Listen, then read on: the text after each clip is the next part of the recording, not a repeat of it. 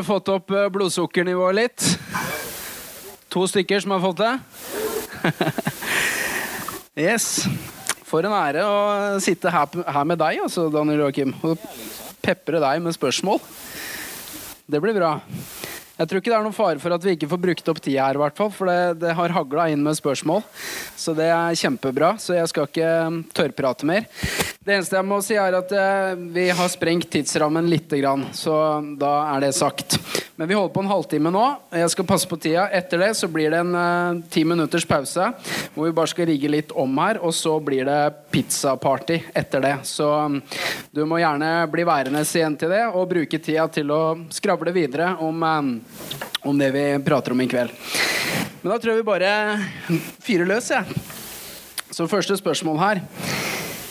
Hvis vi blir enige om at det fins en gud, hvordan kan vi bli enige om at det er den kristne guden som er riktig? Oh. Det spørsmålet har jeg fått en del, og jeg syns det er et veldig godt spørsmål. Mm. Jeg tror det er et av de første spørsmålene jeg ville stilt uh, selv. Mm. På bloggen også så skriver jeg veldig mye om Gud. I det hele tatt prøver å, å se om det er noe jeg kan skrive for å få folk til å forstå hvordan man kan forestille seg at det kan være en gud i det hele tatt. Mm. litt av de tingene som jeg håper jeg får sagt her i dag. Eh, og det, det får deg på en måte et stykke på veien. uh, til noe som vi kaller for klassisk teisme. Og jeg tror de tingene jeg på en måte har sagt her i dag, eh, utenom et par eh, små referanser til Jesus, eh, kunne jo på en måte en muslim eller en jøde eller eh, til og med en hinduist eller kanskje noen andre sitte måte i salen og ja, ja, jeg kjenner meg igjen i dette her. Dette er støtten, mitt, dette er støtten min virkelighetsforståelse også. Så hvor går vi på en måte derfra da, til kristendom? Eh, dere er jo så heldige at eh, neste to, neste to gangene så skal det handle spesielt om Jesus.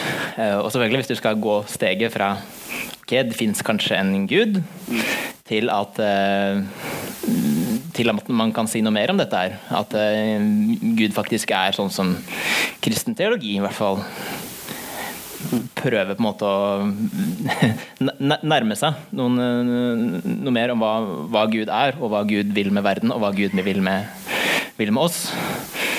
Så i en forstand så tror jeg kanskje ikke jeg skal si veldig mye om det, for jeg tror at det kommer, kommer til å bli sagt veldig mye om det de neste to, neste to gangene. Ofte så sier folk at eh, 'hvorfor er du kristen?' Jo, først og fremst pga. Jesus. For meg så har det nesten vært litt omvendt. At jeg er blitt overbevist først om at det, jo, det må være en gud. Og så kikker du på, en måte rundt på de ulike etablerte alternativene, og da da fins det veldig mange gode tenkere i de store tradisjonene, som eh, gjerne er innenfor de store verdensreligionene. Og så kan du prøve å se på det ulike og se på, på ja, hva her gir mening, eh, og så videre.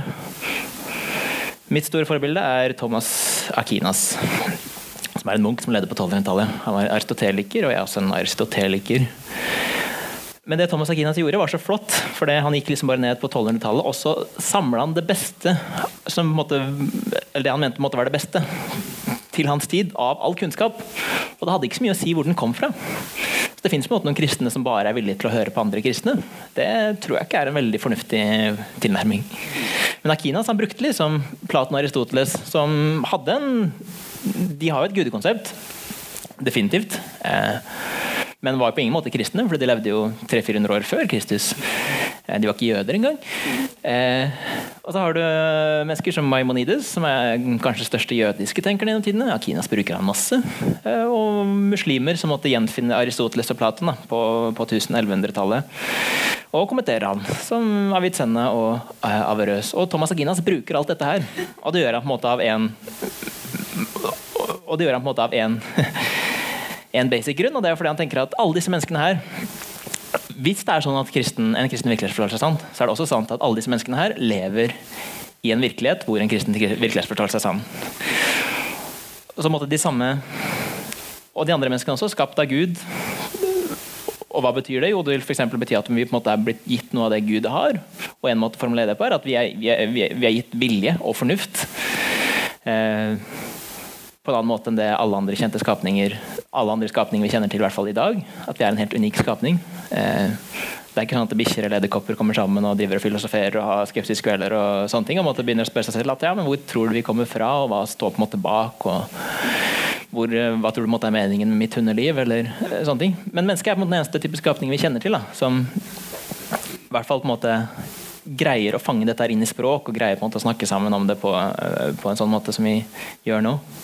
Så du vil på en måte forvente at også mennesker fra andre tradisjoner kan si noe sånt som gjør at jeg også har veldig mye å lære av ateister og muslimer. Og så hvorfor skal jeg da være en kristen? Jeg har sagt Dere kommer til å si veldig mye om det. Svaret svar én er pga. Jesus. For det, det starter med Gud, men Gud blir et veldig sånn abstrakt konsept. Eh, og du kan prøve å lære et eller annet om det gode ved å gjøre noen sånne veldig tekniske, filosofiske øvelser og sånne ting. Men og det gjorde de på de greske akademiene. Problemet er at hvis måte, Gud hadde ønsket å gi, gi dette budskapet her til alle mennesker, også de som ikke hadde råd til å ta seg fri fra åkrene, eh, arbeidet, så måtte han gjøre det tilgjengelig for folk, flere folk. da. For en Gud som er så abstrakt, og sånne ting, det, det klarer jeg ikke helt å forstå. Og kanskje hvis jeg studerer filosofi hele livet, så kanskje jeg greier å sette noen ord på det, men allikevel, folk flest vil ikke gjøre det. Hvis Gud på en måte blir faktisk menneske, så er det noe jeg kan forstå. For jeg forstår hva det vil si å være et menneske. Så Da, på en måte, da fanges hele den sannheten da, i hvem Gud er, og hva godhet er, og hva sannhet er. og Det er derfor Jesus sier at 'jeg er veien, sannheten og livet'. Ikke bare at jeg peker på sannheten, eller jeg, sånne ting, men liksom den Gud er, fanges i Jesus, og han går rundt blant oss, slik at de får et veldig sånn konkret forbilde. Da. Så trenger ikke ta master i filosofi, men kan faktisk eh, bare kikke på Jesus. og det er ikke en helt sånn fullgod og tilstrekkelig forklaring, jeg er helt enig i det. Men det er i hvert fall på en måte en sånn tilnærming. da, at Hvis du først står og skal velge mellom alle disse ulike alternativene, så kanskje det er et sted å starte. Et annet sted er rett og slett treenigheten. Treenigheten er de aller fleste kristne også har ikke tenkt så veldig mye på hva, hva egentlig den treenigheten er. Fullstendig ulogisk. Tre og én. Altså kan ikke kristne matematikk engang. Men det er på en måte Beklager, nå ble det svaret her veldig langt, men det var, for det var et veldig godt spørsmål. Det er en buddhistisk, tidligere buddhistisk munk som heter Ellis Potter, som har skrevet en bok som heter 'Tre teorier om alt'. Og I den, den boka så går han egentlig om, gjennom tre teorier som fanger opp alle virkelighetsforståelser. Det første er monisme. Alt er egentlig ett. Der finner du materialisme. Alt er materie. Der finner du også buddhisme. At alt skal på en måte, alt skal på en måte svelges inn i Gud igjen. Da, nærmest. Og så har du dualisme. Alt er to. Det finner du gjerne litt sånn gnostisisme, at det er liksom det gode mot det onde. Er sånn evig konflikt. At, og til og med at det kanskje finnes en, en ond gud og det finnes en god gud som måtte kjempe mot hverandre. Men så har du trinitarisme. Som er, eh, kristendommen er vel ganske unik til å være trinita trinitaristisk. Og det forteller et eller annet om at dypeste virkelighet er ikke på en måte bare én, er ikke bare statisk, men er på en måte dynamisk. Den er en relasjon. Og det forteller også, også et eller annet om hvordan vi er ment å leve, tror jeg det er veldig farlig å på en måte prøve å fange treenheten inn og si liksom at det betyr dette. Jeg tror i hvert fall Det forteller et eller annet om at vi er skapt til relasjon, nettopp fordi den ultimate virkeligheten er relasjon. Og Det forteller også et eller annet om at Gud skapte oss ikke fordi, var, fordi han var ensom, eller fordi han på en måte trengte det. Gud hadde alt. Gud hadde til og med relasjon. Så Gud, Gud må i så fall ha skapt oss ut fra den overfloden som kommer ut av den relasjonen. En måte sånn overflod av kjærlighet ikke et behov som måtte, måtte dekkes. Og ikke minst fortelle at en gang skal vi på en måte De fleste virkelighetsforståelser er på en måte sånn forståelse om at en gang så skal vi tilbake. For buddhistene så er det på en måte det, dette evige hjulet som de ønsker å komme seg ut av. De ønsker liksom å komme inn til midten av hjulet, slik at de kan slippe å gjenfødes og være med i denne syklusen. De skal på en måte forenes med Gud. Men forstand, det, det, betyr også at de mister sin egen identitet, fordi de på en måte svelges opp i å være en del av den e enheten igjen. da litt panteistisk og en del sånn New Age-greier. sånne ting som du skal, du skal, forenes inn i alt, men når du måtte forenes med alt, så blir du måtte slukt opp i det. Så du, du mister måtte, din egen identitet. Og Det syns jeg er fantastisk med trinitarisme. at vi vi blir til et håp, og kanskje det bare er et håp. Vi blir til et håp om at vi Hvis det finnes et etterliv, og hvis det på en måte er en sånn ultimat virkelighet som vi skal gjenforenes med, så er ikke det i form at vi skal svelges opp. Det er på en måte i form av at vi skal være i relasjon. For det Relasjon er på en måte det dypeste. Så vi kan faktisk både beholde vår egen identitet og på en måte komme tilbake til vårt eget opphav. det er mye som kunne vært sagt om det, men det er i hvert fall liksom noen kjappe tanker da, om hva, hva er på en måte det unike som en kristen virkelighetsforståelse tilfører, kontra mange andre virkelighetsforståelser som også er eh, verdt å høre på. Wow. Kunne jo tatt en halvtime per spørsmål her. det var ment som et kompliment, ikke som et eh, spark på at du bruker lang tid på å svare på spørsmålet. Det er lov å be meg komme til poenget. Men veldig fin markedsføring av de to neste kveldene òg, da, av eh, seminaret. For da kommer vi til å berøre sånn type ting også. Bra. Eh, neste spørsmål. Hvilken bok vil du anbefale å lese om Guds eksistens? Og hvilke bøker burde man lese for å forstå dem?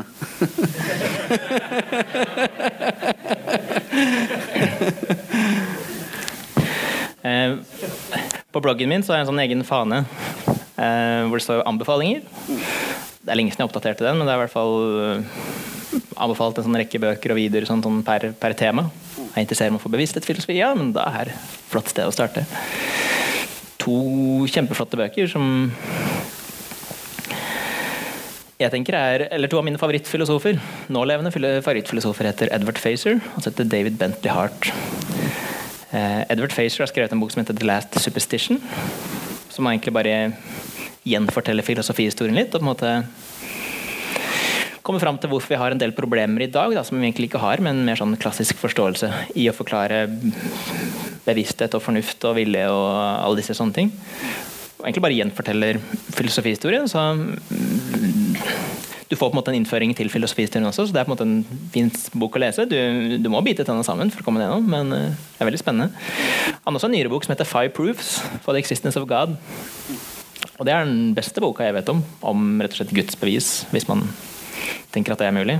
Og Der gjør han ting på ulike måter. Først så måte forklarer han han forklarer på en måte hvordan beviset er ment å fungere på en litt sånn uformell måte. Vil liksom bruke helt sånn dagligdagse eksempler da, med sånn lokomotivvogner og malerkoster og malerkoster og etterforsker som skal løse kriminalgåter og, og, den type ting.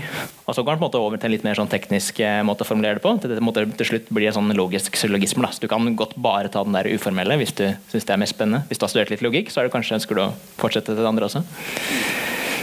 David Bentley Hart har skrevet en bok som heter 'The Experience of God'. Og Det var en artikkel i The Guardian som sa at dette er den teologiboka som, eller filosofiboka som en ateist anbefaler alle sine venner om å lese. Og Der går den rett og slett bare inn på hva menes med konseptet om Gud. Da. For hvis du, hvis du måte, tror at Gud bare er et slags sånn forklaringshull, som er eh, ment å forklare ting vi ikke forstår, naturlige fenomener vi ikke forstår, måte, er ment å putte inn der i evolusjonshistorien, eller ment å putte inn der for å forklare planetbanen, eller ment å putte inn der istedenfor gravitasjonskraften, så har du måte, bomma ganske alvorlig på hva Gud er ment å være i utgangspunktet. Så han, han har en veldig sånn økumenisk eh, Dette er det alle de store teistiske tradisjonene mener med Gud og måtte forklare litt hvordan kom de fram til det, og hva betyr det. da. Han tar for seg tre temaer spesielt. Det handler om eh, bliss, consciousness, being. Ja. Eh, væren, eksistens i seg selv. Det er bevissthet. Er det måte sånn at Når vi er bevisste, så deltar vi på en eller annen måte i noe Gud har. Og lykke. Hvordan kan et menneske være lykkelig? Er det å oppleve mest mulig vellyst? Er det å få utløst flest mulig endorfiner i løpet av livet? Eller er det noe litt dypere, som forteller et eller annet om hva vi er skapt til? Det er to flotte bøker, syns jeg. Så er det mulig å finne flere på bloggen. Så de du anbefalte nå, fins også i anbefalingen på bloggen? Mm. Ja. Så bra. Takk. Neste spørsmål. Hæ? Danieljoakim.org. Så mitt navn.org. Neste spørsmål. Er det godt, og så står det i parentes, kontra ondt, å tro på Gud slash Jesus? Gitt kontekst at en ikke-troende som teoretisk er perfekt god, men ikke tror på Jesus, er han ond da? Hvordan ville du svart en ikke-troende som spør dette?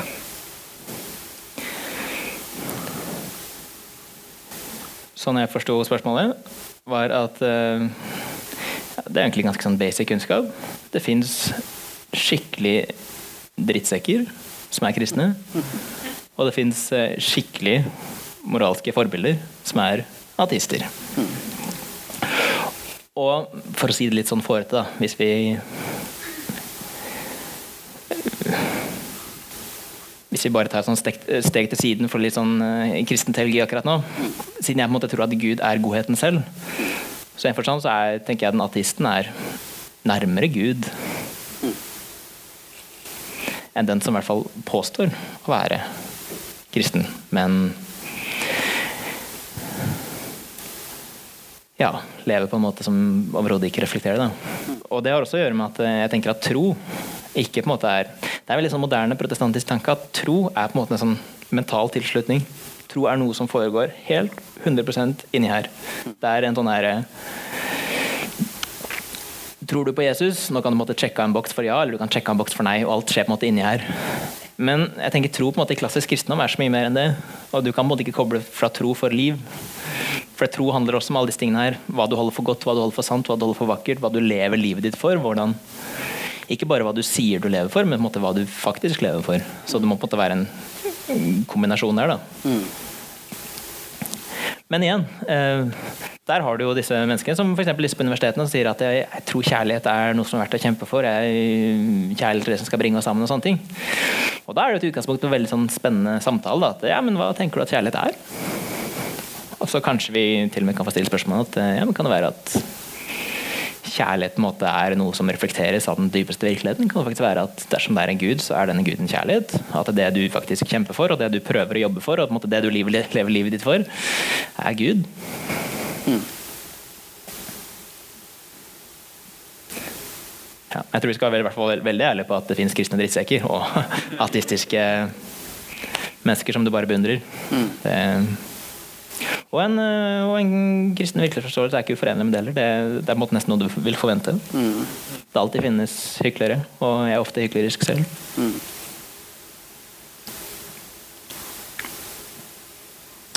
Yes. Bra. Takk. Eh, neste spørsmål. Styrer Gud menneskenes evolusjon og tenkeevne og tankebehov?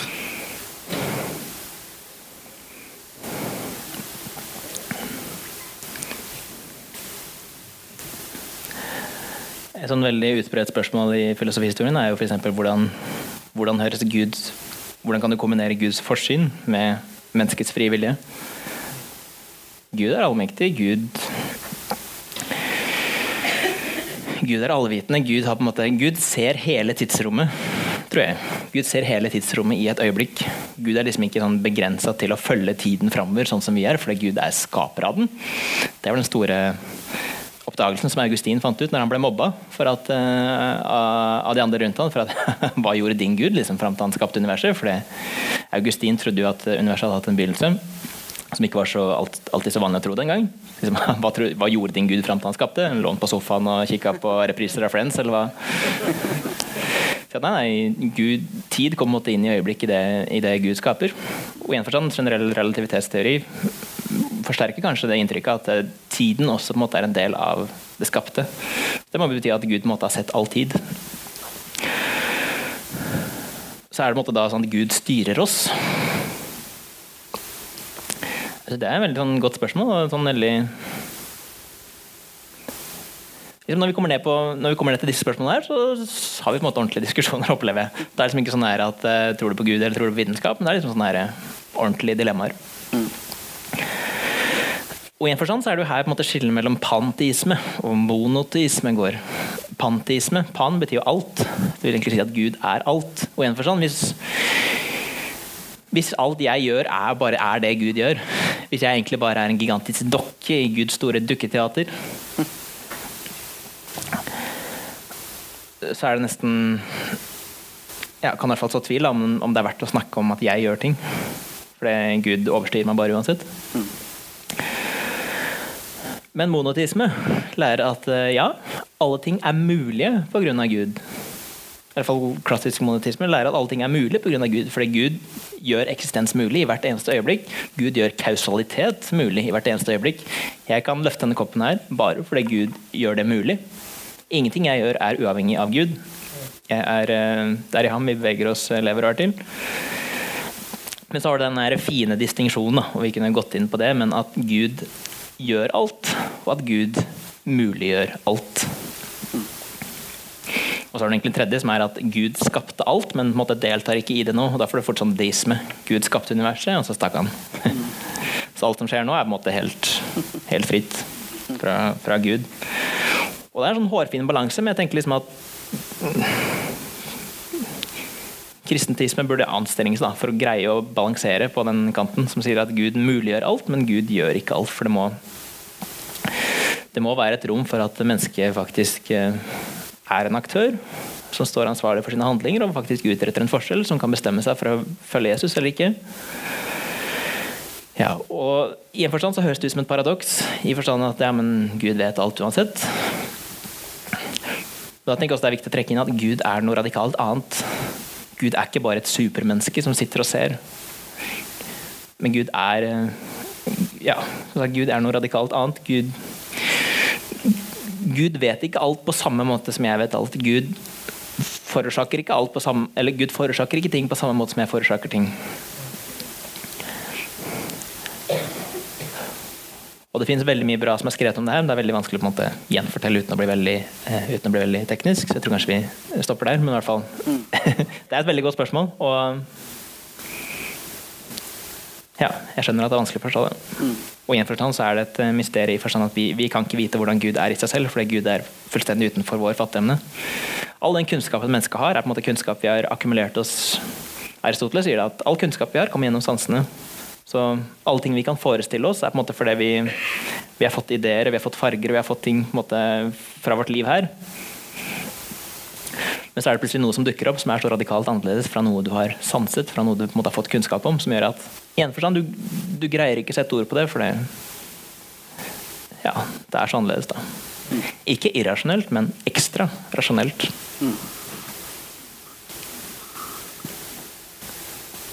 Yes, bra. Takk. Neste spørsmål. Eh, det virket på meg i første del av foredraget at Daniel Joakim fremstilte spørsmål som f.eks. nødvendigheten av en første årsak som banalt slash uvesentlig. Stemmer det? I så fall hvorfor? Hvorfor ikke? på ingen måte uvesentlig. Um, kanskje henviser til at jeg, jeg, sa liksom at når jeg lurte på hva jeg skulle prøve å gjøre i dag, kunne jeg på en måte prøve å komme med sånn teknisk argument fra hvorfor det må være en første årsak som muliggjør alle andre årsaker. Bla, bla, bla. Eller så kunne jeg på en måte prøve heller ja, prøve å snakke om alle de tingene som vi bryr oss om, og prøve å forklare hvorfor det er relevant, hvorfor Gud er relevant i den diskusjonen der. Og jeg prøvde å gjøre det andre, men jeg mener at det første også er eh, kjempeviktig. Så jeg har skrevet et blogginnlegg om det, og de bøkene som jeg viste til, de kjempeflotte bøker som gjør det i større grad.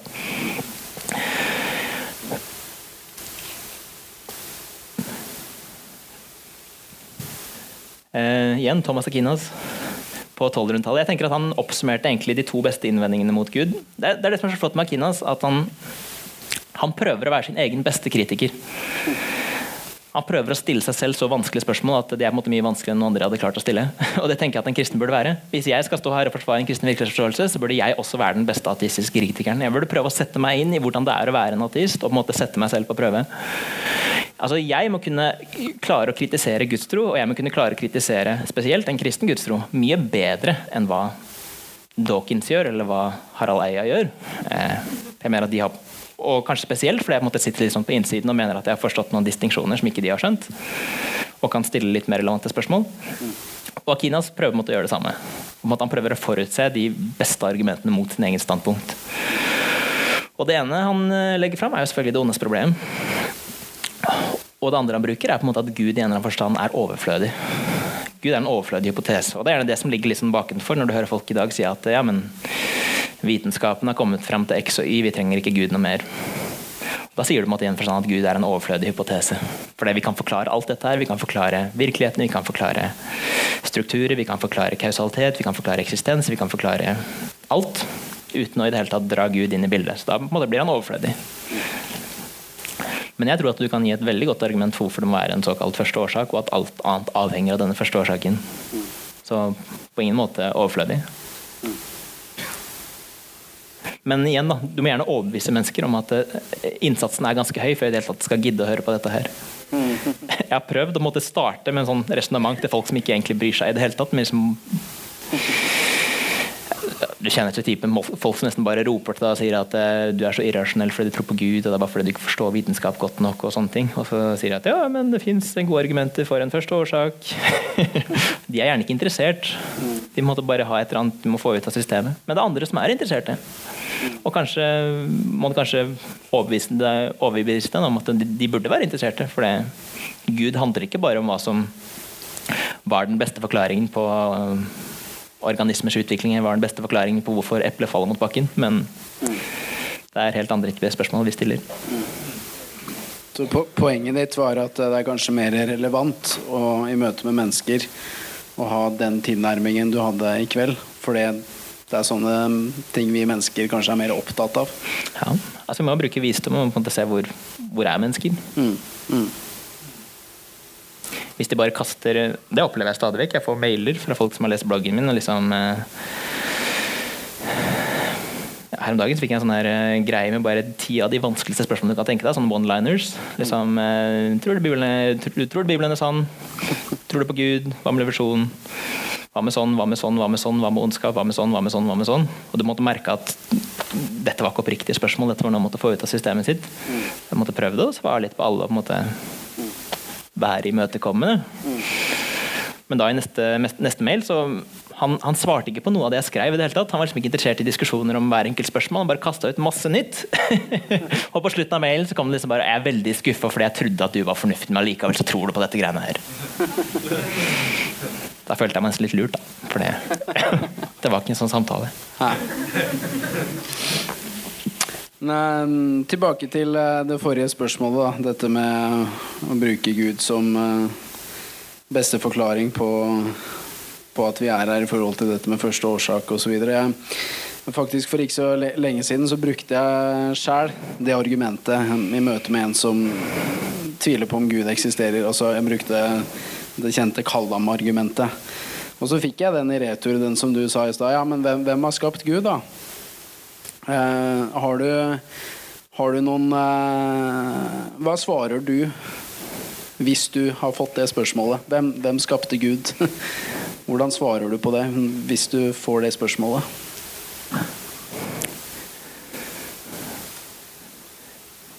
Det er ikke så veldig vanskelig å svare kjapt på. Jeg har hørt liksom noen andre hvordan de svarer. De sier liksom at ja, det er en del en måte, av Guds konsept eller definisjon av hva det vil si å være Gud. At du er evig og uskapt. Jeg, jeg, tror på en måte Hvis du sitter sånn tviler og hører det, så føler du liksom at ja, men er ikke dette bare litt juks? Du bare liksom definerer til å være uskapt. Ja, kan ikke jeg gjøre det samme universet?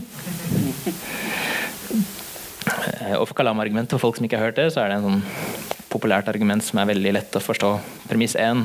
Alt som begynner å eksistere, må ha en årsak utenfor seg selv. Premiss 2. Universet, en, uh, universet, begynte å eksistere.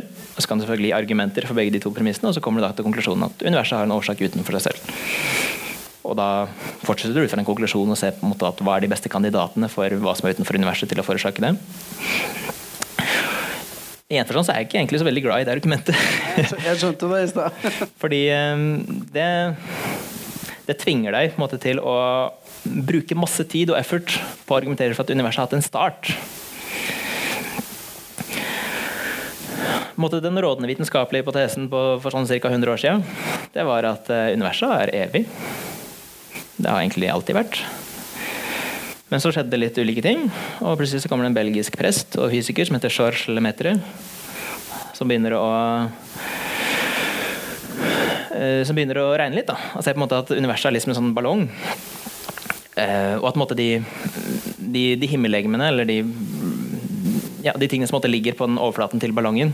Eh, de som måtte ligge lengst utenfra, sånn tenkt midtre, de måtte bevege seg i høyere hastighet enn de tingene som er litt nærmere et sånn, et sånn midtre. Og ut fra det så kan du måtte nesten dra kassetten tilbake, og så kan du tenke deg, du tenke deg tilbake i tid og si at ja, men hvis alle, alle, ting ser på en måte ut som de bare har blitt kasta ut, blitt slenga ut fra et slags sånn midtpunkt, så kan du måtte bare rulle kassetten tilbake og si at ja, men for 13,7 milliarder år siden så virka det som alt måtte starte i et sånn uendelig lite punkt. Og Lemeter ble jo den, den, teorien ble jo fort bekrefta. Eh, av, av, ulike ting. Som gjøre at eh, plutselig ble dette, dette vår beste, beste teori da, om, om, universets utvikling. Den såkalte Big Bang-modellen. Som da opprinnelig ble eh, formulert av en belgisk prest. Eh, gjerne si det neste gang måte, folk prøver å bruke Big Bang som et argument mot, eh, mot Gud. Så pl plutselig nå så er det den rådende vitenskapelige hypotesen er at ja, men det virker som at universet har hatt en slags begynnelse for 13,7 milliarder år siden. Men problemet igjen er at vi vi kan jo ikke vite det helt sikkert. at Det finnes veldig mange teorier der ute. Kanskje det er multivers, kanskje det er uendelig antall univers. i hvert fall et stort antall univers. For 13,7 milliarder år siden det var ikke egentlig starten, men det var liksom bare starten av vår form for universet. Som hadde vokst opp som en sånn boble fra andre typer universer osv. Så, videre, så, så må bruke masse tid på å prøve å forsvare dette premiss to om at universet, ikke bare vårt univers slik vi kjenner det, men liksom universet i sin totalitet, eh, hadde en begynnelse. Og det tror jeg ikke du trenger. Akinas trodde universet hadde en begynnelse. Men eh, ingen av, ingen av Akinas gudsbevis måtte, er avhengig av det. For det du, trenger, det du trenger, mener han, for å demonstrere Guds eksistens, er at noe eksisterer her og nå. Alt du trenger for å måtte, Alle ingredienser du trenger for å demonstrere at det må eksistere en første årsak i denne betydningen, er at det eksisterer en kaffekopp. Eller at det eksisterer forandring. At varm kaffe blir kald.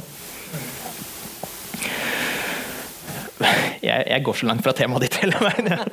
Hvorfor har ikke Gud en årsak?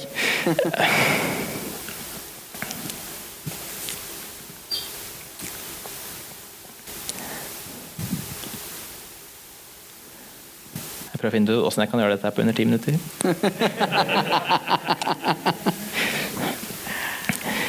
Den veldig kjappe, da. Og beklager hvis jeg bruker litt ukjente ord nå. Men grunnen til at ting, trenger en årsak, er fordi i Aristoteles' terminologi så er alle ting er en sammensetning av såkalt aktualitet og potensialitet. Aktualitet er alle tingene vi er nå. Eh, aktuelt sett så er jeg 1,83 høy, jeg veier så og så mye, jeg, jeg, befinner meg her på en lørdagskveld osv. Potensielt så kunne jeg vært veldig mye mer. Eh, potensielt så kunne jeg slanka meg, jeg kunne spist en god middag og lagt på meg, jeg kunne vært et helt annet sted, eh, osv. Og, og alle ting som eksisterer, er en sånn kombinasjon av aktualitet og potensialitet. Og her kommer på en måte cruxet. Og det er at all aktualitet må aktualiseres av noe annet enn seg selv. Hva betyr det? Jo, i en sånn, i en sånn lineærrekke så betyr det at eh, jeg hadde aldri evnen til å måtte bringe meg selv inn i aktualitet. såkalt da. Altså bringe meg selv inn i eksistens. Eh, det måtte faktisk to foreldre til. Eh, jeg har helst ikke helt tenkt på hva som skjedde, men i hvert fall så gjorde de et eller annet som gjorde at et eller annet sted på veien så kom jeg inn i eksistens. Så jeg måtte aktualiseres av noe som var utenfor meg selv i en sånn temporallinjær forstand. Og det samme foreldrene mine. Det er derfor jeg har besteforeldre, og oldeforeldre, tippoldeforeldre osv. Ok, Det er en sånn lineær rekke. Men det finnes også en vertikal rekke. Eh, som tilsier at Men ikke bare tilbake i tid, men her og nå.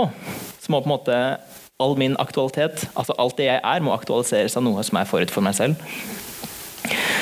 I den forstand at jeg, jeg, består, av, jeg består av deler jeg, I en sånn åpenbar forstand så består jeg, at jeg består av et hode, jeg består av armer, jeg består av bein, og alle disse tingene her liksom må liksom holdes sammen. da. I en forstand. På et, på et uh, litt dypere nivå så består jeg av veldig mange ulike molekyler. På et dypere nivå så består jeg av atomer og nette fundamentalpartikler og sånne ting. Og et eller annet må på en måte aktualisere at disse fundamentalpartiklene henger sammen og blir til akkurat meg. Og du kan si at ja, men det er bare naturlover som gjør. Jeg godtar ikke det.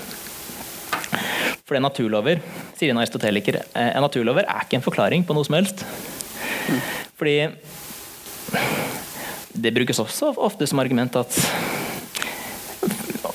og det sto i en norsk bok oppdaga for et par år siden at før 1500-tallet så trodde man på Gud, og så oppdaga man naturlover. Så da begynte man å tro på naturlover. Problemet er at det vi kaller naturlover i dag, det kom fordi man forlot denne aristotelske forklaringen. Og så var det disse pionerene for de moderne vitenskapelige metodene, f.eks. sir Francis Bacon eller René Descartes. Og sa at nei, nei, nå begynner vi å tro på naturlover. Men hvordan kan du si at naturlover forårsaker noe? Altså, når Newton måte finner ut at uh, dette eplet som visstnok falt i hodet hans, at uh, masse trekkes mot hverandre, og på en måte kan sette en matematisk ligning på det Hvordan kan du da si at måte, gravitasjon er noe som får dette her til å skje? For det, hva er gravitasjon? da? Hva er disse naturkreftene? Og hvordan kan vi si at de får noe til å skje? Der har du et problem. Og et kjempestort problem, vil jeg si. Og det vil du også si i dag, at hvis du henviser til den periodiske tabellen for å forklare kjemi, eller hvis du henviser til naturlover for å forklare naturlige ting Du må forklare hvordan naturlover får noe til å skje. For det, da, innrøm, da, prøver du å si at naturlover er på en måte en ting med en slags sånn type vilje, som er der ute et eller annet sted og kaster alle trær, nei, kaster alle epler som faller, eh, som faller fra treet sitt, ned i bakken. Og da er det en filosof som heter Nancy Cartwright som måtte sagt at da har du, ulike, du har et par ulike alternativ. Du kan følge Hume og si at dette er bare vi, Det fins ikke noe rasjonalitet bak dette. her. Det er bare ting som skjer, og vi på en måte observerer bare enkelttilfeller. Problemet med det er at eh, vitenskap blir umulig. Fornuft blir umulig. For du, du, kan ikke bruke ett tilfelle til å si noe om hvordan verden er innretta. Du har en annen som er en såkalt platonsk. og sier at uh, disse naturlovene er på en måte de er platonske. da de er der ute i universet et eller annet sted. Og de får ting til å skje. Uh, men du kan måtte ikke forklare hvor er de, hva er de, er de immaterielle, er de Du kan måtte prøve å si at de er platonske. Uh, og det gir da også masse problemer. Fordi de skal jo på en måte få ting til å skje. Eller så var det en tredje som måtte disse, disse kristne, pionerene for de vitenskapelige metodene, brukte. og jeg sier at Å kalle noe for en naturlov er egentlig bare en forkortelse for å si at dette er på en måte noe som opererer i henhold til en Guds forordning. Så all den, der, all den forklaringsstyrken du får av å si at dette er en, en naturlov gjorde X, for, er egentlig bare en forkortelse for å si at uh, denne X ble muliggjort fordi Gud måtte tilførte den kraften som var mulig for dette her å skje. På 1700-, 1800-, 1900-, 2000- og 2100-tallet så fortsetter man å bruke ordet naturlov, men man glemte hvor det kom fra. Og man glemte også problemet at eh, vet du hva, dette her må jo ha noen forklaringsstyrke. Hvordan får naturlover ting til å skje? Uh, ja. Så når folk forteller meg at uh, nei, nei, det var ikke vi trenger ikke Gud til å forklare dette her lenger, for nå har vi naturlover. Så i mitt hode så sier de bare at ja, vi trenger ikke Gud til å forklare noe lenger, for vi, vi, trenger bare Guds forordning som får ting til å skje.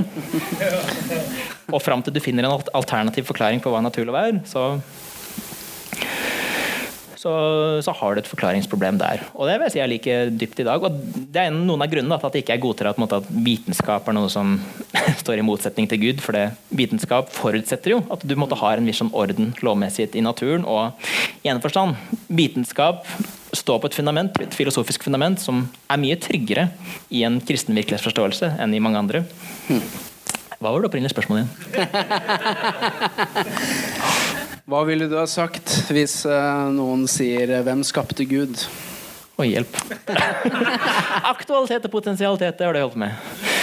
Så all denne aktualiteten da, som uh, trengs for å sette atomene mine sammen, det må spores tilbake til noe mm. som ikke bare er en sammensetning av aktualitet og potensialitet, men som er ren aktualitet, som måtte ikke trenger noe utenfor seg selv, men som måtte er alt det den kan være i seg selv. Mm. Og Du trenger ikke kalle det for Gud, men det er det alle de store teistiske tenkerne mener med Gud. Og hvis du drar det videre, så kan du faktisk utlede alle de egenskapene vi mener med Gud. Du kan få allmektig, du kan få allvitende, du kan få allstedsværende, du kan få evig, du kan få immateriell. Mm. Nettopp i forstand fordi Hvis Gud hadde måttet hatt en utstrekning innenfor rommet, hvis Gud hadde vært som en pinne for eksempel, som hadde vært i um, punkt X og punkt Y, så kunne Gud vært et annet sted. Mm. Så Gud hadde hatt potensialitet. Men det, det, det samsvarer på en måte ikke med mm. det, det, samsvarer ikke med det å være ren aktualitet. Da. Så ren aktualitet kan forteller noen ganske sterke ting om hva dette her må være. Og det samsvarer med stort sett med de klassiske egenskapene vi tillegger Gud. Og hvorfor trenger ikke Gud en forklaring utenfor seg selv? Jo, fordi Gud ikke er en sammensetning av deler. Gud er ikke en sammensetning av såkalt aktualitet og potensialitet. Men Gud er alt det den kan være i seg selv. Er såkalt nødvendig. Mm. Og jeg mener i hvert fall, Vi kan diskutere masse om dette er begrepsbar aktualitet og potensialitet, og det gjør jeg gjerne, om hvorfor det trengs og sånne ting. Men jeg mener i hvert fall det er, en, det er faktisk en rasjonell tilfredsstillende forklaring på hvorfor trenger universet en forklaring, men ikke Gud. Mm. Fordi Gud er en sånn type kandidat som er på en måte fullt og helt uh, self-sufficient, mens universet ikke er det. Nettopp fordi det er utstrekning i tid, i rom, det har på en måte ikke noen av de egenskapene som kreves for å være nødvendig eller for å være Universet kan godt ha vært evig, i forstand av vart i eh, uendelig antall år. Mm. Men allikevel, universet her og nå er ikke nødvendig. Fordi det mangler de, de mangler egenskapene for å være nødvendig. Mm. Ja. Ja, men Så bra, da veit jeg hva jeg kan svare. Hvis noen spør om det. Det er bra vi tar opp her. Veldig bra, Daniel Joakim. Det er deilig å ha besøk av en ivrig gjest i huset. Det er eh, skikkelig bra. Men det er i hvert fall derfor jeg ikke har lyst til å måtte gi noen av disse lette svarene. For jeg finner Ja. det ikke tilfredsstillende selv. Og hvordan kan jeg da gi det med Ja, Så ja, beklager det. absolutt. Nei, nei, nei. Jeg kjenner lukten av pizza, eh, men ett siste spørsmål. Eh, Du får to minutter på å svare på det. Så skal jeg begynne å telle ned når det er ti sekunder igjen. Siste spørsmål som kom inn her. Om Gud er kjærlighet, sannhet, godhet og verdens eksistens, og vi konstant henter hans evne til eksistens, hvorfor er ikke Guds såkalte natur, altså kjærlighet og godhet, tydeligere i og gjennom denne skapelsen? Ti, ni Altså en forstand så er dette en sånn variant av Adonis problem, og det er jo bare skikkelig dårlig gjort av deg å gi meg den på to minutter. Vi har ikke funnet ut av det på 2000 år ennå, og så skal han ha to minutter. Vi har kommet opp med gode svar. Ja, ja, ja. Kanskje ikke sånn fullstendig tilfredsstillende, men Hvorfor er ikke Gud tydeligere? Igjen, Det kommer an på liksom litt hva er det du ser etter. Eh, du savner ikke oksygenet før det er vekk. Eh, hvis det faktisk er sant at Gud er eksistensen, så kunne han ikke vært tydeligere i en eller annen forstand. Men hvorfor er ikke Hvis jeg forsto svaret riktig, måte, hvorfor Hvorfor er ikke ting da bedre enn det de er? Hvis Gud er absolutt god og, og Epikur sa det jo nesten som best for 2500 år siden. Da, da har han omtrent ikke vært sagt bedre siden. og det er på en måte at Hvis Gud er allmektig, allstedsværende og allvitende, da skulle du forvente at uh, ingenting som er ondt, burde kunne, eh, burde kunne være. For det Gud ville, og Gud kunne, og Gud hadde visst om det. Gud kunne utradert det. En flis i fingeren er på en måte for mye. Og Det tenker jeg vi skal ta på alvor, og ikke prøve å gi sånne lette svar. At eh, ja, men det måtte være sånn for at vi skulle ha fri vilje. Eh, Det er et vanlig svar å gi. Jeg er ikke helt sikker på det. Og eh, igjen, du på en måte får problemer med alle de tingene som ikke skyldes fri vilje. Jordskjelv og naturkatastrofer og, og den type ting. Så jeg tenker vi skal ta på en måte noens problem på alvor. I hvert fall som et emosjonelt uh, ting som at det er veldig alvorlig i, i menneskers liv. På et sånn mer sånn filosofisk nivå så er jeg også enig i at det, er, det, det ser ut som et paradoks, og det ser ut som en umulighet. Men igjen så vil jeg da stille spørsmål tilbake at, ja, hvordan skiller du mellom godt og ondt? Eh, hvordan kan du si at det er på en måte et jordskjelv som tar livet av et spedbarn? Hvordan kan du på en måte si at det er ondt? For det er jo, hvis, hvis det dypest sett på en måte bare er naturen som er sånn som naturen er Hvis en måte en løve jakter ned og dreper en antilope, så sier måte at, sier du ikke at det er ondt, for det er, måte, det er, ja, det er bare naturen som går naturens gang. Eh, så det er på en måte et spørsmål du må stille. Og alt dette her forutsetter jo også at ting eksisterer. Så i en forstand så er jeg så frekk at jeg sier at dette er litt sånn internt teologisk problem. Det er ikke så min innvending mot Guds eksistens, for du måtte ha en sånn defeater, som er at ja, men for at noe skal være ondt, så må først noe eksistere. Slik at den eksistensen på en måte er på et dypere nivå enn den ondskapen som finnes.